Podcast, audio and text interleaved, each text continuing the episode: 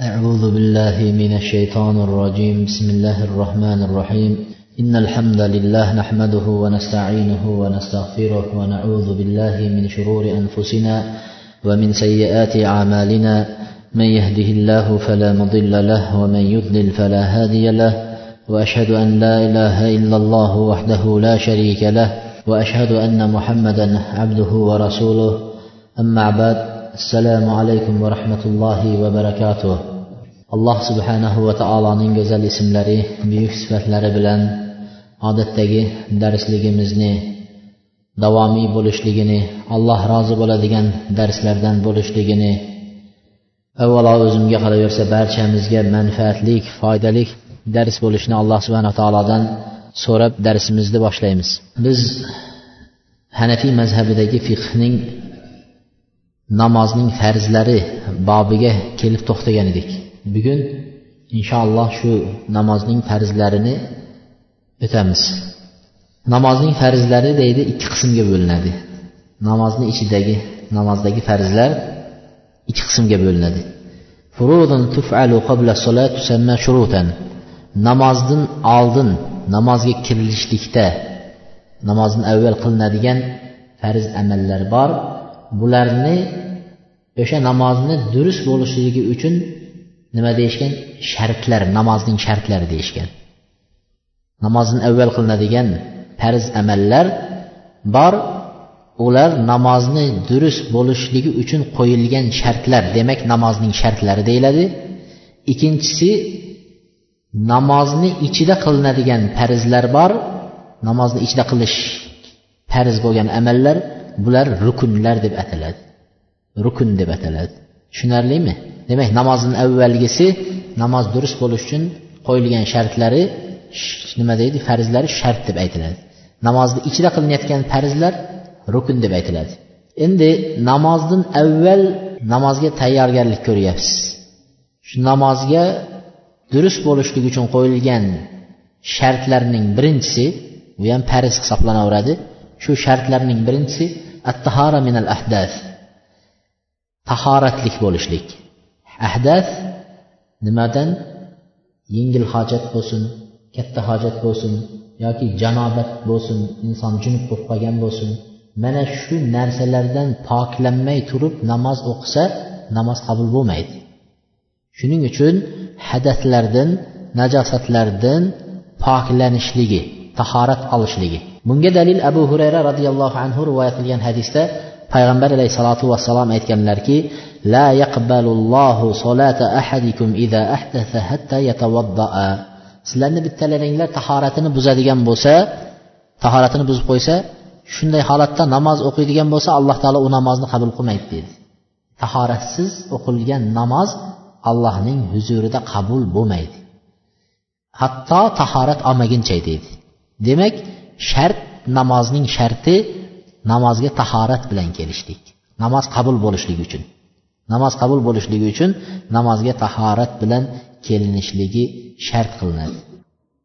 Ibn umar roziyallohu anhuning hadislarida payg'ambar alayhissalom aytadiki la yaqbalulloh solatan big'ayri tahur. Pok bo'lmagan kishining namozini alloh subhanava taolo qabul qilmaydi degan hadisni keltirdi. Xoh u tahoratsiz bo'lsin ha janobatdan poklanmagan bo'lsin qaysinisi bo'lsa ham demak tahorat bo'lmasa namoz o'qigani bilan qabul bo'lmaydi deydi. Alloh subhanahu va taolo qur'oni karimda aytadiki ya ayyuhallazina amanu idza qumtum ila solati faghsilu wujuhakum. Alloh taolo namozga turayotgan vaqtda nima deyapti? Ey iymon keltirganlar sizlar namozga turadigan bo'lsanglar deb turib keyin tahoratni farzlarini alloh taolo aytdi. yuzinglarni yuvinglar boshinglarga emas tortinglar oyog'inglarni yuvinglar qo'linglarni tirsanglar bilan yuvinglar demak tahorat olinglar tahorat olmay turib namozga turmanglar degani alloh taolo qur'onda demak tahorat bilan namoz o'qishlikni buyuryapti وقوله تعالى لا تقربوا الصلاة وأنتم سكارى حتى تعلموا ما تقولون ولا جنبا إلا عابر سبيل حتى تغتسلوا namozga mast holatda yaqinlashmanglar namozga dedi Alloh taolo namozga mast holatda yaqinlashmanglar. Hatto sizlar aytayotgan narsanglarni bilmaguncha deydi. Demak mastlik insonning ketib aqli o'ziga kelmaguncha namozga yaqinlik qilmang dedi va junub holatda namozga yaqinlashmang hatto yuvinmaguncha dedi yuvinib tahorat olib ana undan keyin namoz o'qishlikni buyuryapti. Demak inson namozni har qanaqasi bo'lsa ham nima ekan xulosa shuki namozga birinchi tahorat shart namozning shartlarini birinchisi tahorat ولما روى الإمام محمد أن عطاء ابن أبي رباح في رجل يصلي بأصحابه بغير وضوء قال يعيد ويعيدون aytadiki abi raboh ato ibn abi rabohdan so'ragan vaqtlarida bir kishi namozni tahoratsiz o'qib qo'ysa imom bo'lib o'qidi bir qavmga bir jamoatga tahoratsiz o'qib qo'ydi nima qiladi deganda o'zi ham qavm ham namozni qaytarib o'qiydi degan ekan. Tahoratsiz imomga o'tib qo'ysangiz qavmga o'zingiz ham qavm ham nima qilishadi? Qaytadan namozni qaytarib o'qishadi degan. Demak tahorat bo'lmagan tahoratsiz o'qilgan namoz namoz bo'lmaydi. Birinchi sharti namozni durust bo'lishlik shartlarining birinchisi tahoratlik bo'lishligi badanni tahorat bo'lishligi. Endi ikkinchi shartlari namozga o'sha qo'yilgan namozga kirishning avvalgi shartlarining ikkinchisi kiyimning ham tahorat pokiza bo'lishligi kiyim najosatlardan pok bo'lishligi. Namoz o'qiydigan kiyimingiz najas teggan bo'lmasligi kerak yoki shubha bo'lmasligi kerak toza kiyim bo'lishligi kerak namoz o'qiyotgan kiyimingiz. Alloh subhana taolo qur'oni karimda aytadi fatahhir degan. Kiyimingizni poklang najosatlardan poklang deydi alloh taolo. Demak namoz uchun qabul bo'lishligi uchun kiyim ham toza bo'lishligi kerak. Payg'ambar sollallohu alayhi vasallam haligi so'ralganda payg'ambar alayhissalomdan ayollarda odatda keladigan qonlari kiyimiga tegib qolsa dedi. Nima qilishadi? Namoz o'qiyveradimi shu qon teggan kiyim bilan najosat. Shu ayollarning odatda keladigan qon najosat. Shu najosat tegib qolgan kiyim bilan namoz o'qiydimi deganlarida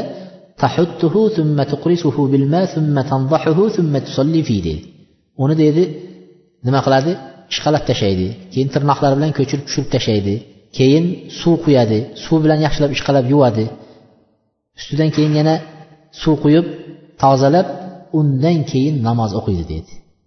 Xullas aylantirib kelganda kiyimni tozalanib turib keyin o'qiladi shunday o'qishga mumkin emas qabul bo'lmaydi namoz shuning uchun nima qilindi najosat teggan kiyimlar bilan namoz o'qishligi durust bo'lmaydi أبي سعيد الخدري قال بينما رسول الله صلى الله عليه وسلم يصلي بأصحابه إذ خلعن عليه فوضعهما عن يساره أبي سعيد الخدري رضي الله عنه aytadilar bir kuni payg'ambar alayhissalotu vassalom sahobalar bilan namoz o'qiyotgan edi Birdaniga namozda turgan vaqtida misol bir rakat o'qiganmi alloh biladi qancha rakat o'qiganini xullas namozni o'rtalariga kelgan vaqtida oyoq kiyimda turib o'qiyotgan edi oyoq kiyim bilan.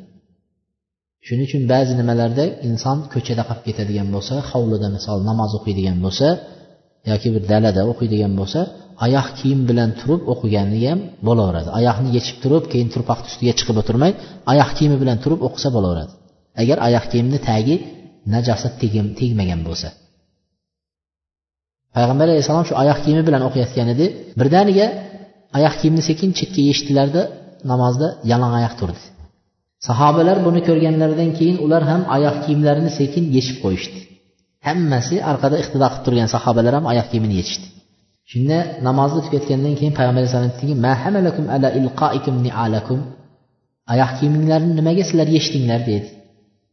Sabab nima yechishingdan deganda ular biz sizni oyoq kiyim yechganingizni ko'rganimizdan keyin oyoq kiyimni yechdik. Demak namozda turib yechdingiz yechish kerak ekan deb bizlar ham oyoq kiyimimizni yechdik. dedi. Shunda payg'ambar alayhissalom aytdilarki inna jibril atani fa akhbarani anna fihima qadara. Jabroil alayhissalom namozda turganda kelib oyoq kiyimimni tagida najosat bor ekanligini xabar berdi. Oyoq kiyimni tagida najosat bor ekanligini xabar berdi. Shuni yechib qo'yishlikni buyurdilar dedi. Sizlarni qay biringlar masjidga keladigan bo'lsanglar oyoq kiyimni bunday tagiga qarasin dedilar. Oyog'ini ko'tarib tagiga qarasin. Agar oyoqni tagida najosatmi biror bir iflos narsami yopishgan bo'lsa uni shu yerga turpoqqa ishqab tashlasin. Oyoq kiyimi bilan o'qiyversin dedilar. Ya'ni uni yechish shart emas demak bu hadisda kelib chiqadiki najosat kiyim bilan namoz o'qishlik durust bo'lmaydi. Agar kiyimda najosat bo'lsa. Jibriyil keldida payg'ambar alayhissalom bilmasdan o'qiyotgan edi. Jibriyil kelib xabar berdi darrov yech bu oyoq kiyim bilan o'qishga bo'lmaydi najosati bor dedi. Darrov namozda turib yechdi. Endi agar mabodo bilmasdan o'qib qo'yiladigan bo'lsa najosat bor ekanligini endi nima qilmaydi? Qaytarib o'tirmaydi. Chunki payg'ambar alayhissalom namozni o'qidilar yarmiga kelganlarida xabar berdi. Bilmasdan yarmini o'qib qo'ydi. Demak yarmi endi bo'lmaydi boshidan boshla demadi. Shu yerda yechirdida davom etib ketaverdi. Shuning uchun nima? Najosat bo'lgan kiyimda namoz o'qilinishligidan mumkin emasligi mana shu hadis bilan nima qilinadi?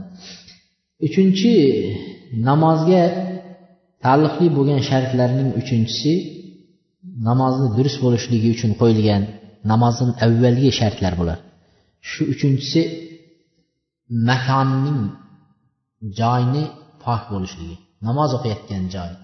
Namoz o'qiyotgan makon nima bo'lishligi? Toza bo'lishligi. Alloh subhanava taolo qur'oni karimda aytadi.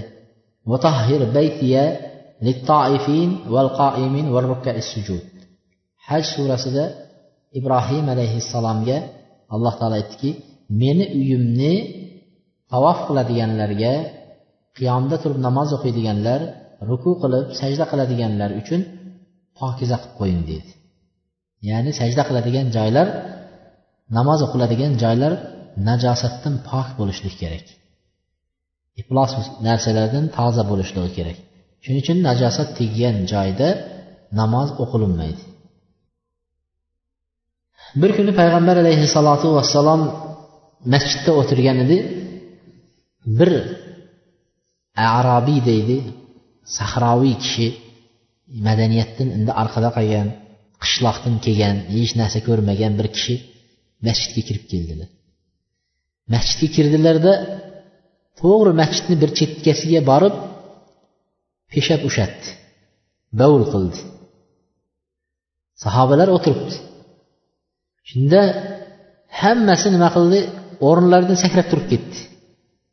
Nima qilyapti mana to'g'ri kelib bizlar namoz o'qiydigan sajda qiladigan joyga bu kelib peshab ushatsa deb o'rinlarini payg'ambar alayhissalom aytdi tegmanglar deydi qo'yib qo'yinglar deydi bo'lsin ushlatib bo'lsin deydi ushlatib bo'lganidan keyin aytdilarki chaqiring dedi chaqirdilar. Shunda sahobalarga qarab aytdiki ahriqu alayhi zanuban minal ma dedi. Haligini peshab ushlatgan joyiga bir chelak suvni olib borib to'kinglar deydi tozalanadida endi suv bilan. Suvni to'kinglar deydi keyin haligi kishini chaqirdi. Sahobalar hammasi haligini bo'g'ib olmoqchi bo'lib shunaqa bir g'azab bilan qaragan. U kishi xabari yo'q. Shundan keyin payg'ambar alayhissalom chaqirgandan keyin sekin oldilariga keldi. Shunda aytdi ya hada inna hadal masjid la yasluhu. Mana bu masjidlar bunday najosat amallarga durust bo'lmaydi balki bu masjidlar allohni zikr qilinishligi tasbehlar aytilishligi uchun qoyim qilingandir. Seni bu amaling masjidda durust emas deb aytdi. Shunda haligi arabiyni aytadiki shunchalik payg'ambar alayhissalotu vassalom muloyim qilgan ishiga muloyimlik bilan chiroyli qilib o'rgatdi. Aytdiki allohimmag'firni va muhammadan va la tag'fir ma'ana ahadan deydi allohim meni va muhammadni billa gunohimizni kechirgin bizga qo'shib birontasini gunohini kechirma deydi nega haligi sahobalar qattiq qo'lliq qildida haliginga darrov biri urmoqchi bo'lib biri so'kib biri boshqa qilib yotgan vaqtda payg'ambar alayhissalom judayam chiroyli uslub bilan tushuntirdi. Shunda payg'ambar alayhissalomni darrov yaxshi ko'rib qoldi. Ki meni va muhammad alayhissalom gunohini kechir biz bilan qo'shib birontasini kechirma gunohini deydi demak nima qilinadi? O'sha najosat tegib qolgan bo'lsa shu yerda namoz o'qish durust emas. Payg'ambar alayhissalom uni ustiga borib suv quyinglar deb buyurdi. Shunday o'qilinaveradi demadi. suv quyinglar deb aytdi ما حكم الصلاة إذا كان ثوبه أو بدنه أو البقع فيها النجاسة وهو لم يعلم bu yerda savol qo'yibdi agar kiyimda yoki insonni badanida yoki bo'lmasa namoz o'qiyotgan joyida najosat bo'lsa bir najosat bo'ladigan bo'lsa bu odam o'shani bilmadi namoz o'qidi Shu yerda namoz o'qidi. Yo shu kiyimda namoz o'qidi. Shu kiyimni najosat tegganini bilmadi. Misol uchun choponingizmi bir kiyimingiz bolalarni ustiga yuritib qo'ygansiz nima? Bolalar peshab qilib qo'ygan. O'shanga bavul qilib qo'ydi. Sizni xabaringiz yo'q. Qurg'ab qolgan. O'sha kiyimni oldingizda shu chopon bilan namoz o'qib qo'ydingiz kiyib. Buni hukm nima bo'ladi deydi. Ulamolar bu masalada ixtilof qilishdi deydi. Birinchisi buning namozi botil bo'ladi. Va u o'shani bilgan vaqtida agar shu vaqt namozni vaqti chiqmasdan biladigan bo'lsa debdi qaytarib o'qiydi. Agar namozni vaqti chiqib ketgandan keyin bilsa qaytarib o'qimaydi debdi. Tushundingizmi? Kiyimingizni mm, joyni najosat joyida o'qib qo'ysangiz yo kiyimda o'qib qo'ysangiz namozni vaqti chiqmasdan turib mana peshinni ikkida o'qidingiz soat uchda najosat kiyim bilan o'qiganingizni bilib qolsangiz deydi qaytadan o'qiysiz toza kiyim kiyib deyapti. Agar peshinni vaqti chiqib ketib asrdan keyin biladigan bo'lsangiz qaytarib o'qimaysiz degan ekan ba'zi olimlar. Bular rabianing mazhabida shunday molik imom molikning mazhabida va hasanning mazhablarida shunday deyishgan ekan bular. Ikkinchi ulamolarning so'zlarida aytadiki namozni namozi botil bo'ladi namoz vaqti chiqib ketgan bo'lsa ham albatta uni qaytarib o'qish kerak debdi ular. Namozni vaqti chiqib ketgan bo'lsa ham peshinda masalan namoz o'qidingiz peshinni shu najosat kiyim bilan o'qib qo'ydingiz bilmadingiz. Endi asrdan keyin bilib qolsangiz ham qaytardi o'shani peshinni o'qiysiz qaytarib deydi toza kiyim kiyib deyapti. Bu imom shofiyning mazhablarida shunday. Chunki bu kishi aytadiki chunki u odam namozni durust bo'ladigan qabul bo'ladigan shartlarning birini yo'qotdi. Poklik kiyim pok bo'lishligi yoki makonning pok bo'lishligi yoki badanni pok bo'lish sharti yo'qoldi. Madomiki shu shart yo'qolsa namoz qabul bo'lmaydi. Demak namoz qabul bo'lmagan bo'lsa uni qaytarib o'qish kerak deyapti. Bu imom shofiyning aytgan so'zlari.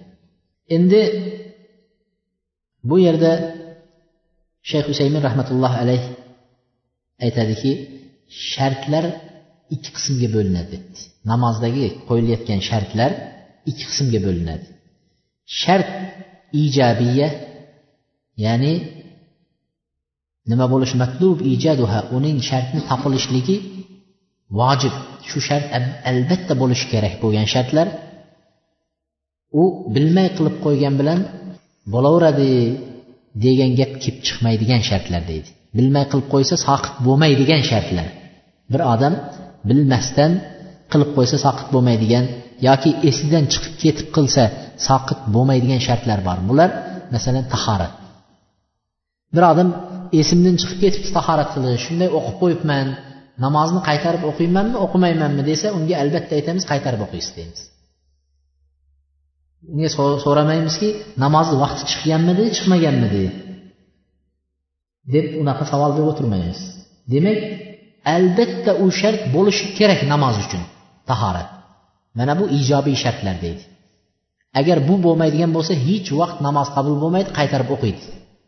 Namozni tahorat qilib qaytarib ikkinchi shartlar deydi bular yushtaratu tahalli anha. Undan chetlanishligi shart etilgan salbiy shartlar salbiy shartlar. Ijodiy ijobiy bo'lsa bu salbiy shartlar deydi. Bular najosatlardan kiyim badan yoki makonlarni nima qilishligi najosatdan poklashligi deydi. Agar buni bir odam bilmasdan qilib qo'yadigan bo'lsa bilmasdan qilib qo'yadigan bo'lsa gunohkor bo'lib qolmaydi deydi. Bir odam bilmasdan kiyimida najosat borligini bilmasdan namoz o'qidi. Bu odamni gunohkor deymizmi yo'qmi? Gunohkor deyilmaydi. Bilmasdan o'qib qo'ydi namozni. Kiyimida najosat bor ekanini. Ya bir joyga keldida namoz o'qidi shu joyga bir najosat tegganini bilmasdan turib namoz o'qidi. Bu odam gunohkor bo'lmaydi. Madomiki u odam gunohkor bo'lmas ekan uning namozi ham botil bo'lmaydi debdi. Namozi ham botil bo'lmaydi. Shuning uchun shayxning aytgan so'zlari demak inson bilmay kiyimida najosat borini o'qib qo'ysa bilmasdan qilib qo'yadigan bo'lsa nima qilmaydi? Namozi botil bo'lmaydi deyapti. Kiyimida najosatini bilmasdan o'qisa namozi botil bo'lmaydi qaytarib o'qimaydi.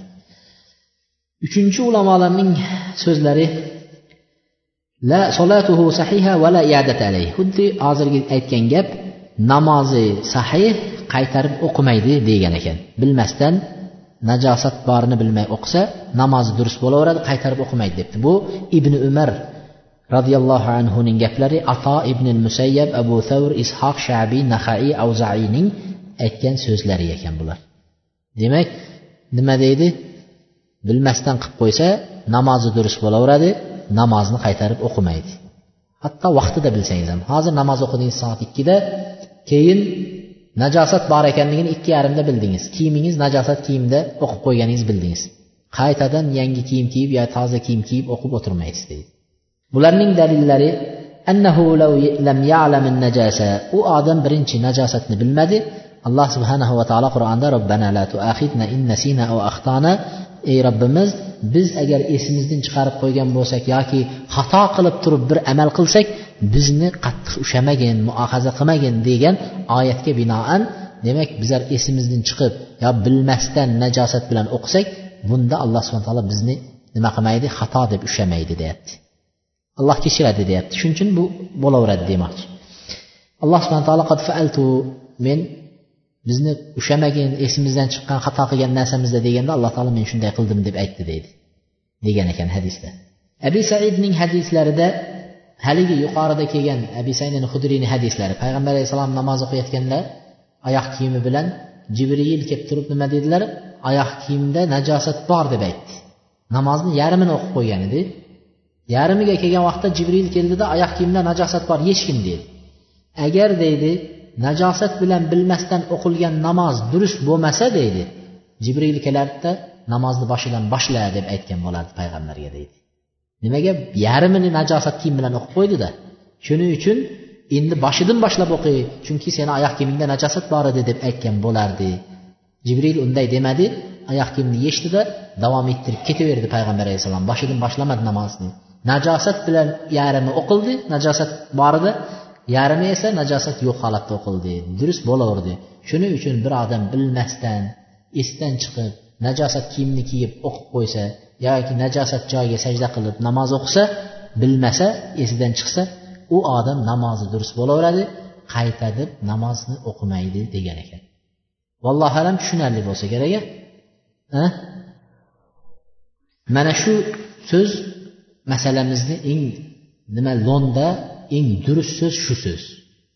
Mana shu hozirgi aytgan oxirgi so'z ulamolarning aytgan fikrlari masaladagi eng durust so'z. Al amakin allati la tasihhu fiha solat namoz o'qishlik durust bo'lmaydigan makonlarni payg'ambar alayhissalotu vassalom aytganlar. Aslida yer yuzining barchasida namoz o'qishlik joiz bo'laveradi yer yuzi. Payg'ambar alayhissalotu vassalom aytadilar alal anbiya bisittin boshqa payg'ambarlardan men olti narsa bilan ortiqroq yuraman. Boshqa payg'ambarlarga qaraganda alloh taolo meni oltita narsa bilan ortiqroq qilib qo'ydi. Martabamni deganlar. Shulardan biri yer yuzini har qanday joy men uchun pok joy hisoblanadi va sajda qilishlikka durust qilib alloh taolo shunday ruxsat berib qo'ygan.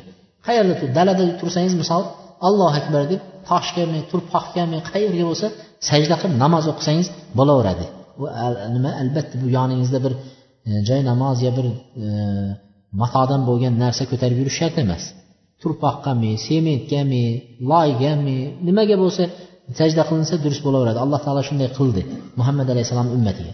Lekin bularni ichida endi hamma yer durust nima qilinishligi namoz o'qishlik mumkin bo'lmaydigan joylarni ajratib qo'ydi. Hadisda payg'ambar alayhissalom mana mana shu mana shu joylarda namoz o'qish durust emas deydi. Bulardan eng birinchisi qabristonlarda namoz o'qishlik durust bo'lmaydi. Qabristonlarda qabrlarni tepalarida namoz o'qishlikni qaytarganlar. Abi said al hudriy roziyallohu anhu aytadilarki al ardu kulluha masjid illa al maqbara val hammam yer yuzidagi hamma joy masjid ya'ni sajda qilishga durust bo'laveradi faqat qayerlarda edi maqbaralar qabristonlarda namoz o'qish durust emas va hammomlarda namoz o'qishlik durust emas deydi namoz o'qish maqbaralarda namoz o'qishni durust emasligi nimadir u yerlarda sajda qilinib qolinmasligi uchun qabrlarga mana shu narsalardan qaytarilgan. Hammomlarda durust bo'lmaganligi najosat joylar bo'lganlikdan odamlar o'zlarini iflos narsalarni shu yerga hammomda tozalanadigan joy bo'lgani uchun u yerlarda namoz o'qishlikdan qaytarilgan. Lekin bir janoza namozinigina janoza namozini ba'zi olimlar agar bir odam deydi valisi o'zining valisi bir nimaga e, o'zini misol uchun farzandi o'g'li qizi yoki ayoli vafot etgan bo'lsa uzoq safarda bo'lib shuni janozasiga kelolmay qolgan bo'lsa deydi. Kelganidan keyin qabrini tepasiga borib e, shu janoza namoz o'qib qo'ysa bo'ladi degan ekan. Shunga ruxsat bergan ekan. Bunga payg'ambar alayhissalotu vassalomni haligi qilgan amallarini dalil qilishgan ekan. Masjidda supurib yuradigan bir ayol bor edi. Masjidni tozalab supurib yuradigan ayol. Bir kuni ertalab ko'rinmay qoldi. Shunda payg'ambar alayhissalom qani haligi ayol? deganlarida ular aytdi kecha tunda vafot etdi biz janozasini o'qib dafn qildik. deganlarda menga xabar bermadinglarmi? dedida payg'ambar alayhissalom borib qabrlarni tepasida turib namoz janoza namoz o'qidi. Shungagina ruxsat bergan ekan. Ba'zi mazhablarda ba'zi olimlar lekin mutlaq namozlar har qanday namoz qabristonda o'qishlikka mumkin emas. Va shunga o'xshab hammomlarda namoz o'qishlik mumkin emas. Va shuningdek deydi mabarikil ibl deydi tuyalarning qo'ralarida namoz o'qishlik durust emas ekan. Tuyalarning qo'ralarida namoz o'qishlik durust emas ekan. Lekin qo'ylarning qo'ralarida namoz o'qishlikni joiz deyishgan. Tuyalarning qoralarida o'qishlik durust emas deganligi chunki tuya bilan shayton birga bo'ladi doim tuya bilan bo'ladi degan ba'zi bir hadislarni rivoyat qilib keltirgan ekan. Va ba'zilar aytgan ekanki tuyani tez haligi nimasi chiqib jahli chiqsa tuyani odamga chovut qilib odamga tashlanadigan pellari bor qo'pol pellar bor tuyada. Shunaqa narsasidan xavfsirab inson tuyaning haligi qo'rasida o'qiyotgan vaqtda hozir kelib tashlanib qolmasmikin? degan bir o'y bilan hushu ketib qolishi ehtimoli bo'lganligidan payg'ambar alayhissalom shuni qaytargan. Hayol haligida turadida kelib tashlanarmikin tashlanmasmikin? deb shundan qaytargan deydi. Qo'yingki qay bir ehtimol bo'lsa ham bu bo'lsin yoki tuya bilan birga shayton bo'lsin payg'ambar alayhissalom o'shaning qoralarida o'qishlikdan qaytargan joylar. To'rtinchi namozga namozdan avval namoz durust bo'lishi uchun qo'yilgan olimlarning shartlari to'rtinchi shart. Farz amallarni ya'ni to'rtinchisi avratning berkik bo'lishligi. Namoz o'qiyotgan vaqtda insonning avratlari berkit bo'lishligi kerak namoz o'qiyotganda. Avratni berkitishlik namozda va namozning boshqa vaqtlarida ham vojib hisoblanadi aslida. Erkak bo'lsin ayol bo'lsin. Erkak bo'lsin ayol bo'lsin avratini berkitishligi namozning boshqa vaqtlarida ham vojib. Namozda emasu deb turib basseynga erkak uch to'rt erkak borib yalang'och bo'lib tashlanishligi ham durust emas. Maniyalarga jamoaviy holatda kirib olib yalang'och bo'lib yurishligi ham hammamiz erkakmiz deb yurishi ham durust emas. Avrat a'zolari alloh subhanaa taolo bu a'zolarni xunuk va durust mast holatdagi insonga qo'yilgan a'zolar berkilgan holatda o'sha a'zolar avra mug'allazo deydi shu a'zolar berkilgan bo'lishligi kerak. Hatto hammomda bo'lsa ham qayerda bo'lsa ham erkak erkak bilan bo'lsa ham. Ayollar ham xuddi shunday. Bu namozni tashqari vaqtda ham endi namozni ichida bo'ladigan bo'lsa ko'proq unga ahamiyat berish kerak. Ochilib qolmadimi avratim? Boshqa bo'lmadimi? Namoz qabul bo'lmay qoladi degan ehtiyot bilan o'shanga qarashligi kerak. Alloh subhana taolo qur'onda ya bani adam huzu zinatakum inda kulli masjid. Ey odam farzandlari sizlar har masjiddan maqsad har namoz degan. Har namozda ziynat kiyiminglarni ushanglar degandan maqsad libosinglarni namozga avratlarni bekitib turadigan liboslarni kiyinglar deyapti. Mana shundan maqsad nima bo'ladi? Mana shu oyat bilan dalilki inson namozga turgan vaqtda avratlari bekiladigan kiyim bo'lishligi kerak. Demak birinchi erkaklar namozda qayerlarini berkitishligi kerak. Qaysi joylari erkaklar uchun avrat hisoblanadi? Xoh namozda bo'lsin xoh namozdan tashqari vaqt bo'lsin. Qaysi a'zolar nima deyiladi? E, avrat. Payg'ambar alayhissalotu vassalom baytullohni yalang'och holatda kabani yalang'och holatda tavof qilishdan qaytardi. Tavof e, yalang'och holatda tavof qilmanglar deydi. Demak tavofdan qaytargan bo'lsa namoz undan ham afzalroqdir deydi. Har namozda demak inson avratlaringizni bekiting degan ma'no kelib chiqadi demoqchi. Ikkinchidan payg'ambar alayhissalom kindik bilan tizzaning orasi erkaklar uchun avrat hisoblanadi deydi. Tizza tizza va kindik oralari nima qilinishligi kerak ekan erkaklar bekitishligi kerak bu avratlar bu joylar ochilinadigan bo'lsa namozning buzilishligiga sabab bo'lib qoladi أبي عن بريدة قال نهى رسول الله صلى الله عليه وسلم أن يسلي الرجل في لحاف payg'ambar alayhissalotu vassalom لا يتوشح به ونهى أن يصلي الرجل في سراويل وليس عليه رداء debdi bir sarval degani pastki kiyim faqat nima bo'ladi? Shim yoki bo'lmasa triko yoki shunga o'xshagan narsani kiyib olib tepasida hech narsasi yo'q. Badanni tepa tarafida hech narsasi yo'q holatda namoz o'qishlikdan qaytardilar deydi. Demak hali aytdiki kindik bilan tizzani orasi avrat. Lekin faqat shuni berkitsak bo'ldi namozda degan gap kelib chiqmaydi.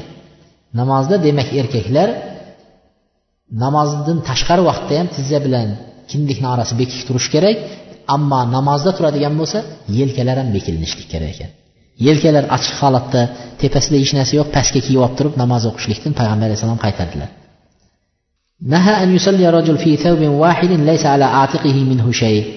Payg'ambar alayhissalotu vassalom deydilar inson yelkasida hech narsa yo'q pastiga kiyim kiyib olib namoz o'qishlikdan qaytardi deydi. Atiqiya o'sha ikki yelkasida hech narsa yo'q holatda nima qilishdan namoz o'qishlikdan qaytardilar. Demak yelkalar bekilgan bo'lishi kerak. Ko'ynak boshqa narsa ro'mol nimalar bilanda e, chochiqlar bilanmi yelkalariga tashlagan holatda mana ehrom kiyishib ehromda turgan vaqtda namozda yelkalarini bekitib turib namoz o'qishadi ehromda demak erkak kishilar namozda turgan vaqtlarida yelkalaridan hatto tizzalarigacha berkitishlari nima ekan? Vojib. Berkitishlari shart deyiladi. Agar faqat bitta kiyim topadigan bo'lsa endi faqat bitta kiyim degandan maqsad faqat pastgagina yetadi tepasiga yetmaydi kiyim. Faqat shimah bor ustiga kiyadigan ko'ylagi yo'q demoqchi. Shunday bo'ladigan bo'lsa deydi pastki tarafini berkitib shimni kiyib tepəsi açıq halətdəyəm, namaz oxuydu. Bu zərurət vaxtında deyildi. Bir də yəni heç nəsə tapmayan vaxtda. Peyğəmbər əleyhissalam Cabir keltirgan hadislarda aytadiki fe inkana vasiyan faltahif bihi va inkana dayyqan fattazir bihi. Əgər kiyim keng bo'ladigan bo'lsa, pastga ham o'rab, tepaga ham o'rasin yelkalariga. Əgər taxir bo'ladigan bo'lsa, faqat pastini o'zini o'rasin, tepasi ochiq bo'lsa ham mayli degan hadislarni keltirgan ekan. Bu xuddi hali ehromni kiyganga o'xshagan. Arablarda shunaqa uzun kiyimlar bilan o'ralib o'ralib oladi. Shuni aytyapti. Endi bizda bo'lsa shim ko'ynak bilan nima qilinadi? E, misol qilinadi. Agar pastki kiyimlar topilsa tepa kiyim topilmaydigan bo'lsa shu pastki kiyimni o'zi bilan ham o'qisa ruxsat bergan ekan. Ayollarning namozda berkitishliklari vojib bo'lgan joylari. Ayollar qaysi joylarni namozda berkitishi vojib? Ayol kishi bir begona erkaklarning oldida namoz o'qib qolsa misol namoz o'qiyapti begona erkaklar o'tyapti yo ko'ryapti yo kiryapti shunday joyda namoz o'qiydigan bo'lsa badanining hamma joyini berkitishi vojib faqat ikki kafti va yuzigina ochiq bo'la biladi. Yuzi bo'lganda chochlar ko'rinmagan bo'lishi kerak. Choch chiqadigan joylarning pastidan boshlab ro'mol o'raladi quloqlar ko'rinmagan holatda va jag'ning tagi bilan qo'shilib ko'kraklar ochilmagan holatda nima qiladi? Ro'mol o'ralib keyin namozda turiladi. Va ikki kafti ochiq bo'lishi mumkin. Boshqa joylari mutlaq namozda ochiq bo'lishligi mumkin emas ayollarga. Bu jumhur ulamolarning so'zlari shu. Namozda turgan vaqtida. Bizda ayollarimizni bo'lsa yengi kalta ko'ylak bilan ham o'qib qolishadi. Yoki bo'lmasa ro'mollarni kichkina qilib bunday tepasiga tashlab oladi ko'kraklar ochiq holatda ham namoz o'qib qoladi. Mana bu namozlar durust bo'lmaydi bu namoz. shuning uchun ayollar ham namozlarga ozgina ko'ngil bo'lib qaysi joylar berkilinishligini o'rganish kerak إذا ظهر منها شيء مما يجب ستره بحضرة الأجانب فهي آثمة ولكن لا تبطل صلاتها على الصحيح من أقوال العلماء endi aytyapti agar agar o'sha begona erkaklar o'tib turgan joyda o'qiyotgan edi bir ayol bekitishi vojib bo'lgan joylardan ba'zi joylar ochilib qoldi deydi. Bir joylari ochilib qoldi yoki sochi chiqib qoldi ro'moli ko'tarildi yoki yengi masalan shamarilib ketdida qo'llari masalan ko'rindi. Shunday holat bo'lib qoladigan bo'lsa deydi. Namoz buzildimi nima deymiz bu ayolga deyapti. Bu yerda ulamolarning so'zlari va ko'proq abu hanifa rahmatullohi alayhi imom ahmadlarni gaplariga binoan deydi. Namozi botil bo'lmaydi lekin gunohkor bo'ladi ayol deydi. Namoz o'qib turib gunohkor bo'lyaptida. Nimaga? Avratni bekitmaganligi uchun. Namoz botil bo'lmaydi namoz qabul bo'laveradi lekin gunohkor bo'lib qoladi deyapti. Ammo bizani mazhabimizda yana abu hanifa rahmatullohi alayhi aytgan so'zlar bor ekan. Agar a'zoning to'rtdan biri ochiladigan bo'lsa to'rtdan biri ochilsa namoz buzilmaydi. Agar to'rtdan biridan ko'proq ochiladigan bo'lsa namoz buziladi degan ekan. Nimaga deganda uning aksariyat joyi ya'ni ko'proq joyi ochildi ochiq holatda o'qidi. Shart namozning sharti yo'qoldi deyapti. Namozning sharti yo'qoldi deyapti. Shuning uchun to'rtdan bir deganda misol uchun qo'lni oladigan bo'lsak qo'lni to'rtdan birga hisoblaysizda mana shunday bir joyi ochiladigan bo'lsa bu yarimi bu yarimi. Bu tarafi ham yarim yarim. Shuni yarim misol ochiladigan bo'lsa deyapti namoz buzildi deyapti. Demak yangi kalta ko'ylaklar bilan o'qishi durust bo'lmaydi. Namozni to'rtdan birga bo'lib turib buzildiq saqlab qoladi. Abu hanifa rahmatullohi alayhining mazhablarida. Nimaga deganda u shu a'zoning katta ko'proq joyi ochildi hisoblanadi. Soch ham shunday. Sochni ham to'rtdan biri mana boshni to'rtdan to'rtga bo'lasizda shundan biri ochilsa namoz buzilmaydi. To'rtdan birdan ko'prog'i ochilsa namoz buzildi hisoblanaverar ekan. Shuning uchun judayam ehtiyot bo'lishligi kerak. وإذا انكشف شيء كثير أعادت الصلاة في الوقت عند أئمة الأربعة agar shu a'zolar ochilib qoladigan bo'lsa demak namozini vaqt chiqib ketmagan bo'lsa qaytarib o'qiydi degan ekan namozni vaqti chiqib ketmagan bo'lsa namozni qaytarib o'qishadi degan أما بالنسبة لشعر المرأة في الصلاة ayol kishining sochini berkitishlikka dalil xosatan namozda turgan vaqtida aslida hamma vaqtda ro'mol bilan berkitishni kerak. Lekin namozda turgan vaqtidagi berkitish kerak bo'lgan dalillar alloh subhana payg'ambar alayhisalotu vassalom aytdilarki la yaqbalulloh solata haid illa bihimar haligi balog'atga yetgan ayolning namozini alloh taolo qabul qilmaydi agar ro'moli bo'lmasa deydi. Sochi berkik ro'moli bo'lmasa namozni alloh taolo qabul qilmaydi deydi. Mana shu hadisni keltirgan. Lekin bu hadis judayam sahih hadis emas zaif hadis deyishadi. Ammo termiziy aytadiki mana shu hadis zaif bo'lsa ham barcha ulamolar shunga amal qilishgan deydi. Chunki qur'onda alloh taolo ayollarni sochlarini berkitishni buyurgan u tashqarida yurgan vaqtda shunday bo'lsa namozda minbabi avlo namozda albatta bekik bo'lishi shart deyapti. Shuning uchun imom termiziy aytganki haligi hadis zaif bo'lsa ham lekin barcha olimlar nima qilishgan? Ayollar sochini namozda bekitgan bo'lishi kerak deyapti. Endi qadami? Ayol kishining qadamichi qadamlari. Oyog'ini nimasidan? To'pig'idan past qadami? O'sha joylari ochiq bo'lsa namozda. Namoz buziladimi yoki bo'lmasa namoz qabul bo'laveradimi deyapti. Endi hidoya kitobida abu hanifa rahmatullohi alayhining hidoya kitoblarida imom e, nima? Imom azim mazhabidagi kitoblarning birida al asah annahu laysa bi avra qadam eng durust gap avrat deb hisoblanmaydi degan ekan. Mabodo ayol kishining qadamlari oyog'ini taglari ko'rinsa yoki bo'lmasa boya to'piqdan pastlari ko'rinadigan bo'lsa u nima bo'lmaydi? Namoz buzilmaydi avrat deb hisoblanmaydi degan. Demak kiyayotgan badanni avratni berkitayotgan kiyimlarda shartlar bor ekan. Shu kiyimlarda qo'yilgan shartlar. Avratni bekitib turadigan kiyimlarning shartlari bor. Birinchi sharti anyakuna satiran. Birinchi sharti shu badanni avratni ko'rsatmaydigan darajada bekitib turadigan kiyim bo'lishi kerak. Nomiga kiyim bo'lish bo'lmaydi. Sizlar nomiga tepasiga ro'mol tashlab oladi sochlar hammasi ko'rinib turaveradi. Nomiga badanga kiyim kiyadi ichkari badandagi terilar bari ko'rinib turaveradi. Bu kiyim bilan namoz o'qishlik durust emas. Bu satr qilib badanni berkituvchi deb hisoblanmaydi. Badanni avratni berkituvchi deb hisoblanmaydi.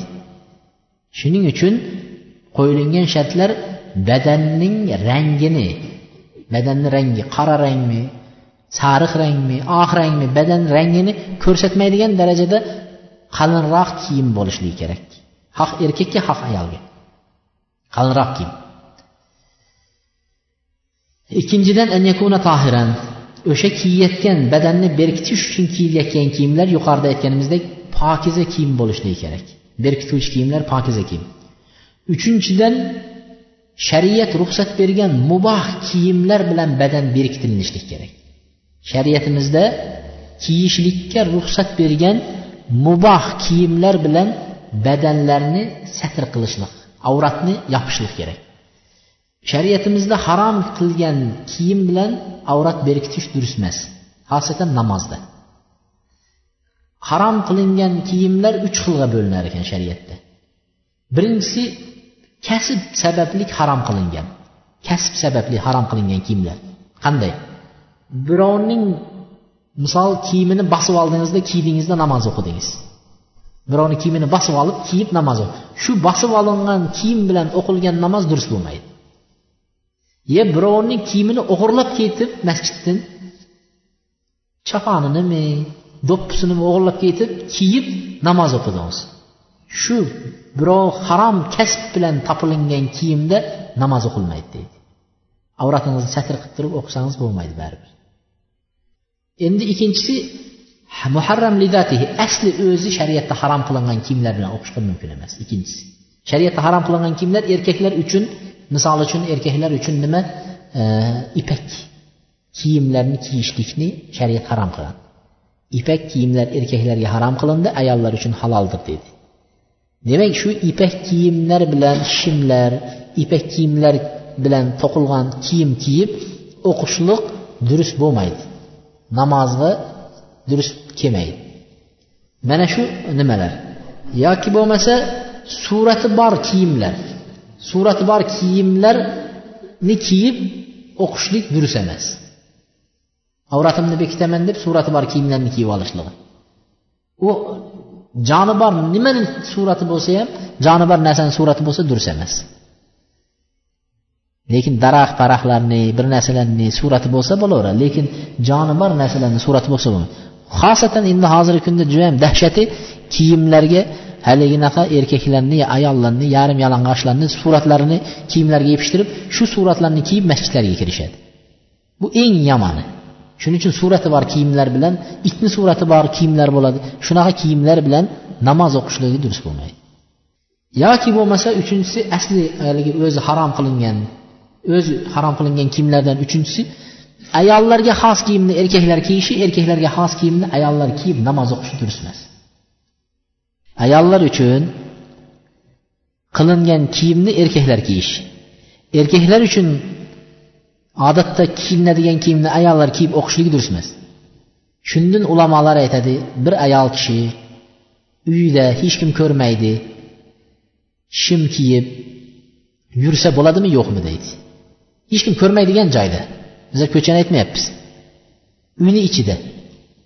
O'zini erini oldida shim kiyib yurib shunday shu shim bilan namoz o'qisa bo'ladimi yo'qmi desa durust bo'lmaydi deydi. Yurishi ham durust emas shu shimni kiyib namoz o'qishi ham durust emas deyapti. Chunki shim odatda erkaklar kiyadigan narsa. Asl.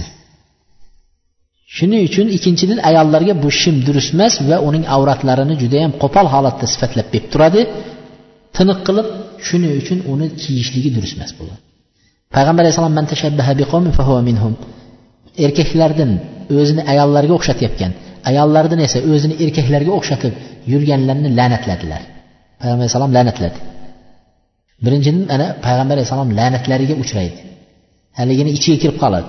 Ikkinchidan kim o'zini bir qavmga o'xshatsa tashbih qilsa shular bilan birga tiriladi deydi demak eh, bu kiyimlar hozirgi chiqayotgan shim bo'lsin boshqa bo'lsin ayollarga chiqarilayotgan kiyimlarning ko'pchiligi yevropadan kelinayotgan kiyimlar shularning milliy kiyimlari. Bizlarni qozoq o'zbek millatlarining bu milliy kiyimi hisoblanmaydi. Demak shu millatga o'zini tashbih qilsa qiyomatda shu millat bilan birga turadi. Tiriladi. Shuning uchun ayollarga ham sal anaqa deb qo'yish kerak. Uyda hech kim ko'rmayapti olib beraveray bozordan shimni uyda kiyadi degan o'y kelib qoladi ba'zi birodarlarimiz. Ayollari shim ham kiyib yurganlari uyni ichida hech kim bilmay shuni unaqada ehtiyot bo'ling shariatimizga durust kelmaydi. Namoziga ham durust bo'lmaydi. Ho'p keyin al muharram livasfihi uchinchisi demak kasbda muharram bo'lgan o'g'irlab olgan shimlar e, kiyimlar. O'zi asli harom bo'lganlari erkak ayolni kiyimi e, ipak kiyimlar shunga o'xshagan. Keyin sifati sababli harom bo'lgan kiyimlar bor. Sifati degani kibrlanib uzun qilib to'piqdan pastga tushirib shalbiratib yerga sudrab najosatlarga tegizib tualetga kirsa chiqsa hammomda haligi najosatlar ilashib baloqlariga shunday bo'lib yurgan shimlar bilan namoz o'qishlik durust bo'lmay qoladi. Namoz o'qishlik durust bo'lmay qoladi. Shuning uchun nima deydi? Kiyimini takabburlik qilib yerga tegizib sudrab yurgan odamga qiyomat kunida alloh subhana taolo qaramaydi degan.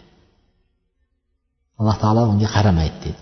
Shuning uchun umar roziyallohu anhu pichoqlab abu lulatul majusiy bir majus kishi bomdod namozini o'qiyotgan vaqtlarida kirib hanjarga zahar solib shu hanjar bilan namozda turgan vaqtda kelib pichoqladi. Shundan keyin uylariga olib kirdi. Pichoq urgan vaqtda oshqozonlarni teshib yuborgan ekan. Keyin tabib chaqirib tabib sut ichirib ko'rdi.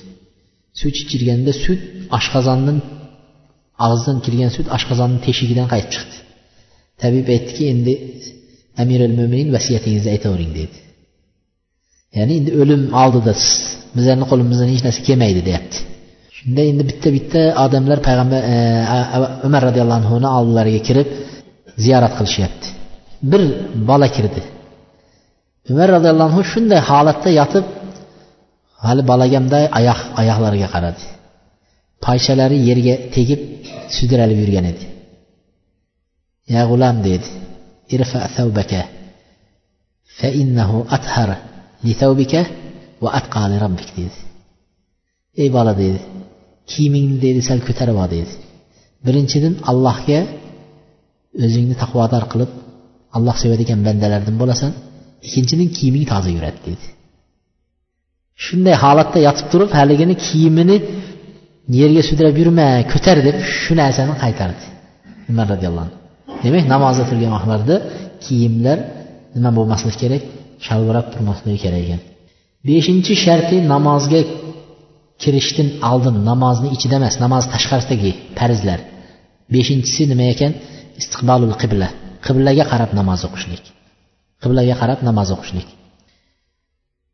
Alloh subhana taolo qur'onda favalli vajhaka shatrul masjidil harom favalli vujuhakum shatra yuzingizni masjidil harom ya'ni kabaga qaratib o'giring yuzlaning va hammanglar sizlar yuzlaringlarni mo'minlarga qarab aytyapti o'sha tarafga qaratinglar degan oyat tushdi. Bu oyatni tushishligini sabablarini aytishadi ulamolar payg'ambar alayhissalotu vassalom payg'ambar bo'lib kelgan vaqtlarda yahudlar nasoralar nima qildi? Payg'ambar alayhissalomni yolg'onga chiqardi. Yolg'on bu ismoilning sulolasidan payg'ambar alayhissalom boshqa payg'ambarlar esa ishoqning sulolalaridan ishoqning sulolalaridan ular arab tilini bilishmagan. Ishoq yaqub yusuf bular arab tilini bilmagan. Ismoil alayhissalom jurhum qabilasiga uylanib arab tilini shulardan o'rganib arablashib ketgan. Arablashib ketgan. Shularning qavmi e, nimasidan? Sulolasidan payg'ambar alayhissalom chiqdi. Bir qolgan hamma payg'ambarlar ishoqning sulolasidan shuning uchun yahudlar nima qildi? Hasad qildi. Nimaga bizani sulolamizdan kelayotgan payg'ambarlik endi uni nimasiga o'tib ketadi deydi. Ishoqning sulolasi ismoilning sulolasiga o'tib ketadi deb hasad qilishdi. Shuning uchun payg'ambar alayhissalomni aytishdiki? Yolg'onchi deydi. Agar chindaka payg'ambar bo'lsa nima uchun bizlarning bobolarimizning ishoqlarni e, yaqub yusuflarning qiblasi bo'lmish baytul maqdisga qarab namoz o'qishadi deydi. Shu vaqtda payg'ambar alayhissalom baytul maqdisga qarab namoz o'qiydi.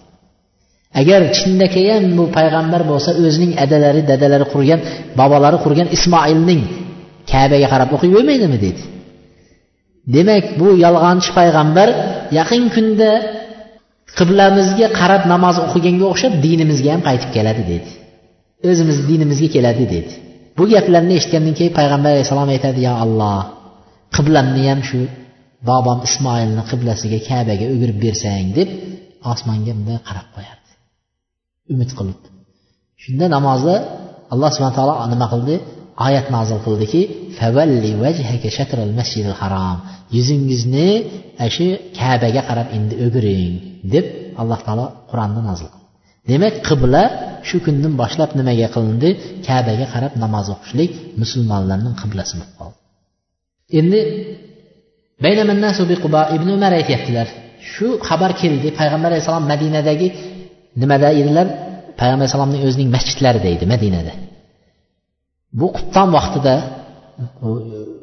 misol shu qubton vaqtlarida bo'ldi. Mana bu namozni shunday o'qishdi. Avval bu yoqqa qarab o'qisa endi bu yoqqa qarab o'qishdi kabaga qarab. Endi qubo degan joy bor. Payg'ambar alayhissalom masjidlaridan bir olti kilometr tepada. Qubo masjidi. Bu yerdagi odamlar qubo masjidi shu yerga joylashgan odamlar bir olti kilometr nariroqdagi odamlar qubtondagi bo'lgan xabardan eshitgani yo'q bexabar endi. Bu vahiyni eshitgani yo'q. Endi bir kishi bomdod namoziga shu yerga borsa odamlar haligi eski o'rgangan qiblaga qarab namoz o'qishyapti. Shunda aytdiki tundasi oyat nozil bo'ldi.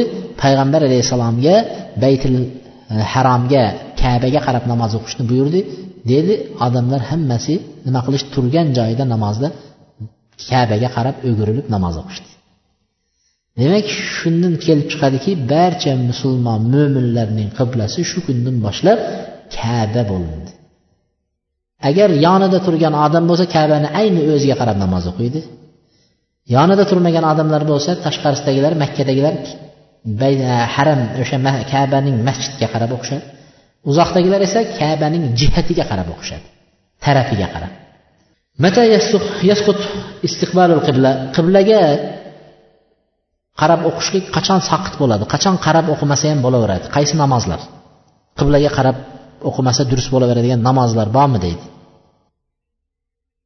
Birinchisi agar inson kabaga qarab namoz o'qishlikdan ojiz bo'lgan vaqtida qiblaga yuzlanmasdan o'qisa bo'laveradi deydi. Kasal bo'lib yotibdi. Kasal. Misol qimirlay olmaydi shunday yotibdi. Faqat osmonga qarab yotadi. Shu vaqtda uni nima kabaga yuzlan deb uni majburlamaymiz yotgan joyida shu osmonga qarab o'qiyveradi yoki bo'lmasa sol bir odamni boylab qo'ygan bir daraxtga.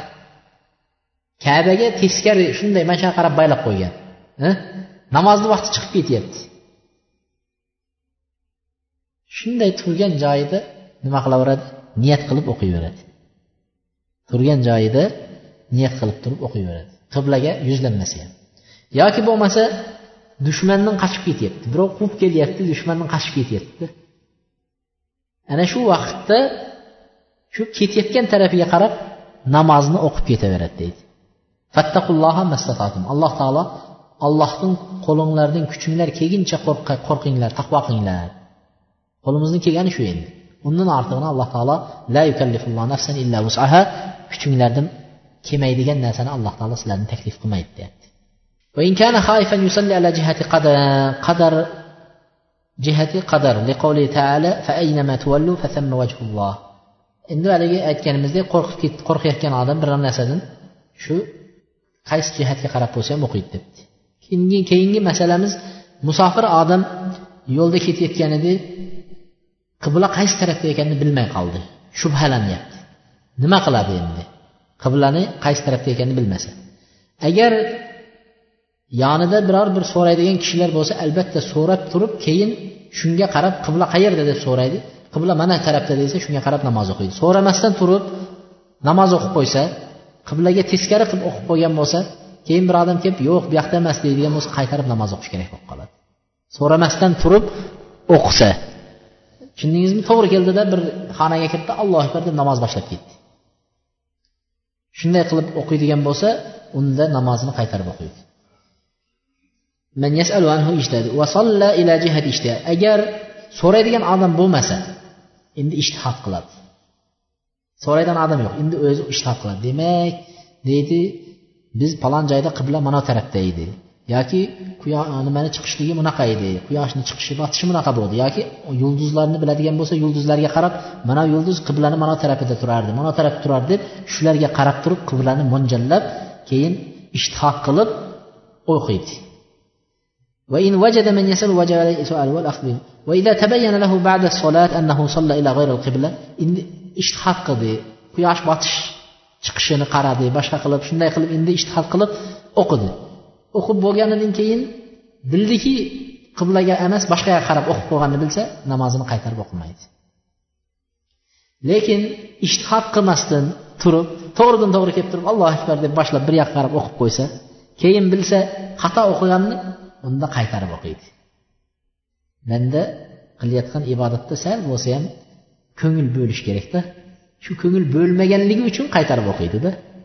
Hali odam ko'ngil bo'ldi biroq xato qilgan bo'lsa unda qaytarib o'qimaydi. Ko'ryapsizmi? Oltinchi sharti namozni oltinchi sharti demak niyat. Namozni kirishdan oldin namozga kirishdan oldin oltinchi farz. Bizlarda aytadi olti farz ichida olti farz tashqarisida deb qo'yadi. Shu olti tashqarisidagida yuribmizda hozir. Olti farz boyagi namozga kirishdan oldingi oltinchi farz niyat. Payg'ambar alayhissalom niyat amallar niyatlarga qarab beriladi degan hadislari bor. Niyatga qarab amallar bo'laveradi. Alloh subhana taologa dinda xolis holat ya'ni niyat chin niyat bilan qalb bilan ibodat qilishlikqa buyurildi degan oyatni dalil qilib namozda demak birinchi bo'lib niyat qilinishligi kerak. Namoz o'qiyman degan niyat. Birinchi qalb bilan niyat qilib qo'yish kerak. Til bilan aytishlik shart emas deydi. Chunki niyatning o'rni niyatning joyi qalb bo'ladi deydi. Niyat qalbdan chiqadi tildan emas. Birinchi inson qalbiga olib keladi o'ylaydi bayana qiladi qilaman deb ana undan keyin til bilan biroq aytishi mumkin. Shuning uchun aytyaptiki birinchi inson niyatni qalbdan qiladi. Lekin shayx ba'zi ulamolar aytishgan ekanki niyatni til bilan aytishlik durust emas namoz niyatlarini degan ekan hattoki ichida etsa ham durust emas degan ekan. Men nima qildim? Ikki rakat peshinni sunnatini o'qishlikni niyat qildim. Alloh uchun xolis yuzimni qiblaga qaratib deb turib aytishligi ham durust emas. Uni tashqarida ham yo ichida ham etsa ham durust bo'lmaydi degan ekan.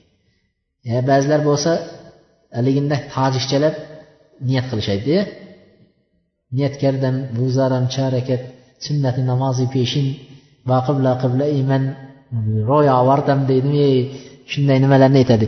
Endi qizig'i shuki xitoylar ham tojikchalar niyat qilar ekan. Xitoylar nixoma deydi. Nixoma ho deb qo'yishadi. Shu xitoylar ham niyatga kelganda niyatkardan buzaram deyar ekan. Ana shuni eshitgan vaqtimizda arabistonda yurib juda qiziq bo'ldida. Xitoylar tojikchalar niyat qilgan shuning uchun niyat haligi qalbdan o'tadi ikki rakat niyat peshinni o'qimoqchiman to'rt rakat peshin farzni o'qimoqchiman deb qalbdan o'tkazadi allohu akbar deydi bo'ldi mana shu namozni bu butun mazhabda shundoq biron bir mana kitoblarni agar yo'q man shunaqa deb tortishib anaqa qilib qoladigan odamlar chiqib qoladi shu niyatni ham yo'q qilibdi debda endi akkasin kitobni hanafiy mazhabdagi kitobdan niyatkardan muzaramni kelsin bir o'qiylik ko'zimiz bilan ko'rib. Haligacha ko'rmaganman. Ikkinchidan annahu law takallama bilisanihi sahwan bi khilafi ma nawa fi qalbihi. Misol bir odam niyat qilayotib qalbida peshinni misol uchun to'rt rakat sunnatini o'qimoqchi edi. Men asrning sunnatiga niyat qildim alloh akbar deyordi yoki bo'lmasa men misol uchun peshinni ikki rakat sunnatini o'qimoqchi edi bomdodning ikki rakat sunnatini niyat qildim deyordi tilida shundoq deyordi nima bo'ladi namozni shundoq qilib qo'ysa desa tilida aytgan narsasiga e'tibor qilinmaydi insonning qalbida yuragidagi chiqayotgan narsaga qalinadi deydi demak boyagiga e'tibor yo'q tilda chiqqan narsaga ammo qalbdagi qilinayotgan nimaga e'tibor qilinadi deydi أنه لو تكلم بلسانه ولم تحصل النية في قلبه لم يجزئه ذلك إن باش تسكرس تسكرس bir odam niyatkardan bo'zlarim charaka sunnati namozi peshin deb allohu akbar deydi. Hayol boshqa yoqda. Asr o'qiyaptimi tan o'qiyaptimi hayolda yo'q. Lekin peshinga og'zi bilan tili bilan shundoq deb niyat qilardi. Shundoq desa uni namozi namoz bo'lmaydi degan ekan. Chunki u hali qalbi bilan niyat qilgani yo'q degan ekan. Til aytib yotibdi bunday aytganda avtomatik tildan chiqib yotibdi. Hali uni qalbi peshin o'qish emas asr o'qiyotganini ham bilmaydida shunchalik shoshib keldida bir namozga turyapti qalb bilan niyat qilinmay turib tildan aytsa u namoz namoz bo'lmaydi degan ekan. Qalb bilan avval niyat qilish kerak. Namozni orasida niyatni o'zgartirishlik masalasi. Namozni orasida namoz boshlab qo'ygansiz namozni orasida niyatni o'zgartirish masalasi. Aytyapti min fardin ila nafsin buni bir necha suratlari bor. Namozni ichida turib niyatni o'zgartirishlik suratlari bor. Turlari. Birinchidan niyatni farzdin mutlaq nafl nafl mutlaq nafl muqayyat bor nafl mutlaq bor. Nafl mutlaq degani bir ikki rakat nafl namoz dedingiz bo'ldi mutlaq bo'ladi. Muqayyat bo'lsa tahorat namoz tahiyatil masjid namoz deb bog'lab qo'yasiz. Namozni farzdin mutlaq naflga ko'chishlik masalasi. Mana misol qandaq liman yusolli zuhur masalan munfaridan thumma ra'a jama'atan qad hadaru. Masalan peshinni o'qiyaptidingiz bir o'zingiz kirdingizda nega kirdingiz? Va allohu akbar allohu akbar deb peshinni farzini boshladingiz. Farzni boshladingiz allohu akbar deb peshinni farzini boshlab endi bir rakat o'qib ikkinchi rakatga tursangiz peshinni farzni o'nta odam kirdi dag'in darrov farz o'qib yuboraylik deydida farzga o'ntasi turib jamoat bo'lib o'qishyapti. Siz hayolingizda man hozir farz o'qiyaptidim shuni ikki rakat qilib sunnat qilib tugatib qo'ya qo'yay ikki rakat nafl qilib tugatib qo'ya qo'yadi anavlar bilan qo'shilib jamoat bo'lib farz o'qib olay deb turib boya ikkinchi rakatda assalomu alaykum rahmatulloh assalomu alaykum rahmatulloh deb turib keyin yugurib borib anavlarga qo'shilib olishlik mumkin emas. Farzdin farzni nafl qilib tugatishingiz mumkin emas. Tushundingizmi? Farz o'qiyotgan edingiz ikki rakatiga kelganda ko'p jamoatni ko'rib qoldingizda shart ikki rakatdan salom beramanda naflga o'tib ketadi bu. Keyin anavilarga qo'shilib olaman deyish mumkin emas. Nega siz farz o'qiyapsiz? Naflga aylantirib yuborishingiz mumkin emas niyatingizni tushunarli endi ikkinchisi. Min fardin ila fardin axar bir farz namoz o'qiyapsiz. Peshinni farziga niyat qildingiz. Allohu akbar. Ya asrni farziga niyat qildingiz. Allohu akbar. Tag'in o'qiyotib turib hayolingizga shundoq kelib qoldi hayolingizga peshin o'qimaganingiz esingizga kelib qoldi asrni o'qiyapsiz. Allohu akbar deb o'qish. Bir rakat o'qib edingiz yo ikki rakat o'qib edingiz и man peshinni o'qimabmanu dedingizda man shu peshinga niyat dedingiz. Shuni o'qidim shu peshinga niyat. O'zi asr o'qiyotgan edingiz shuni darra meni peshinga aylantirib yuboryapsizda peshinga o'tkazib yuborib turib endi orqasidan yana qaytib durust bo'lmaydi farzdan farzga o'tish durust emas nega deganda birinchidan farzni mana farzni buzyapsiz uzyapsiz kesib qo'yasiz bir rakat o'qiganda ikki rakat o'qiganda niyatni buzib uzyapsiz farz uzildi. Ikkinchi peshinni yarmidan niyat qilyapsiz durust emas boshidan niyat qilmagansiz shunga durust bo'lmaydi farzdan farzga ko'chirib yuborishlik niyatni durust bo'lmaydi. Min naflin muayyan ila naflin mutlaq. Muayyan bir belgilangan nafl namozidan mutlaq nafl namozlarga o'tkazib yuborish durust bo'lmaydi niyat. Misol e, misol bilan deydi aytayotgan so'zing tushunarli bo'ladi deydi. Misol keltirmasang baribir tushunmaydida muayyan nafldan mutlaq naflga o'tkazsa durust bo'laveradi debdi. Masalan solat arba rakat sunnati zuhur thumma yaral jamaa yuqallibuha rak'atayni li idrakil jamaa peshinni to'rt rakat sunnatini o'qiyapti deyingiz sunnat muayyan to'g'rimi? Muayyan tayin qilingan peshinga to'rt rakat deb rakatlari aniq tayin qilib qo'yilgan muayyan sunnat. To'rt rakat sunnatini o'qiyapti deyingiz endi ikki rakatiga kelgan vaqtingizda jamoat turdi dag'in farzni boshlab yubordi sizni kutmadi. Jamoat hammasi turib farzni boshladi yubordi peshinni siz agar to'rt rakat o'qisangiz ular tugatib ham qo'yishi mumkin bo'lyapti. Shuning uchun siz darrov ikki rakatda assalomu alaykum assalomu alaykum deb buni mutlaq bir nafl o'tkazib yuborasizda yugurib borib jamoatga qo'shilib olaverasiz tushundingizmi? Muayyan naflni mutlaq naflga o'tkazib yuborasiz. Mutlaq nafl degani ikki rakat bir nafl namoz bo'lib ketaveradi. Oti yo'q zoti yo'q bir nafl namoz bo'lib qo'yadi. Boyagi muayyan peshinni nafli edi endi bu ikki rakat mutlaq nafl bo'lib qo'ya qo'ydi. Tushundingizmi? Shu jamoatga yetishlik uchun niyatni to'rt rakatni qisqartirdingiz ikki rakatga salom berib qo'yib qo'ydingiz. Min naflin muayyan ila naflin muayyan.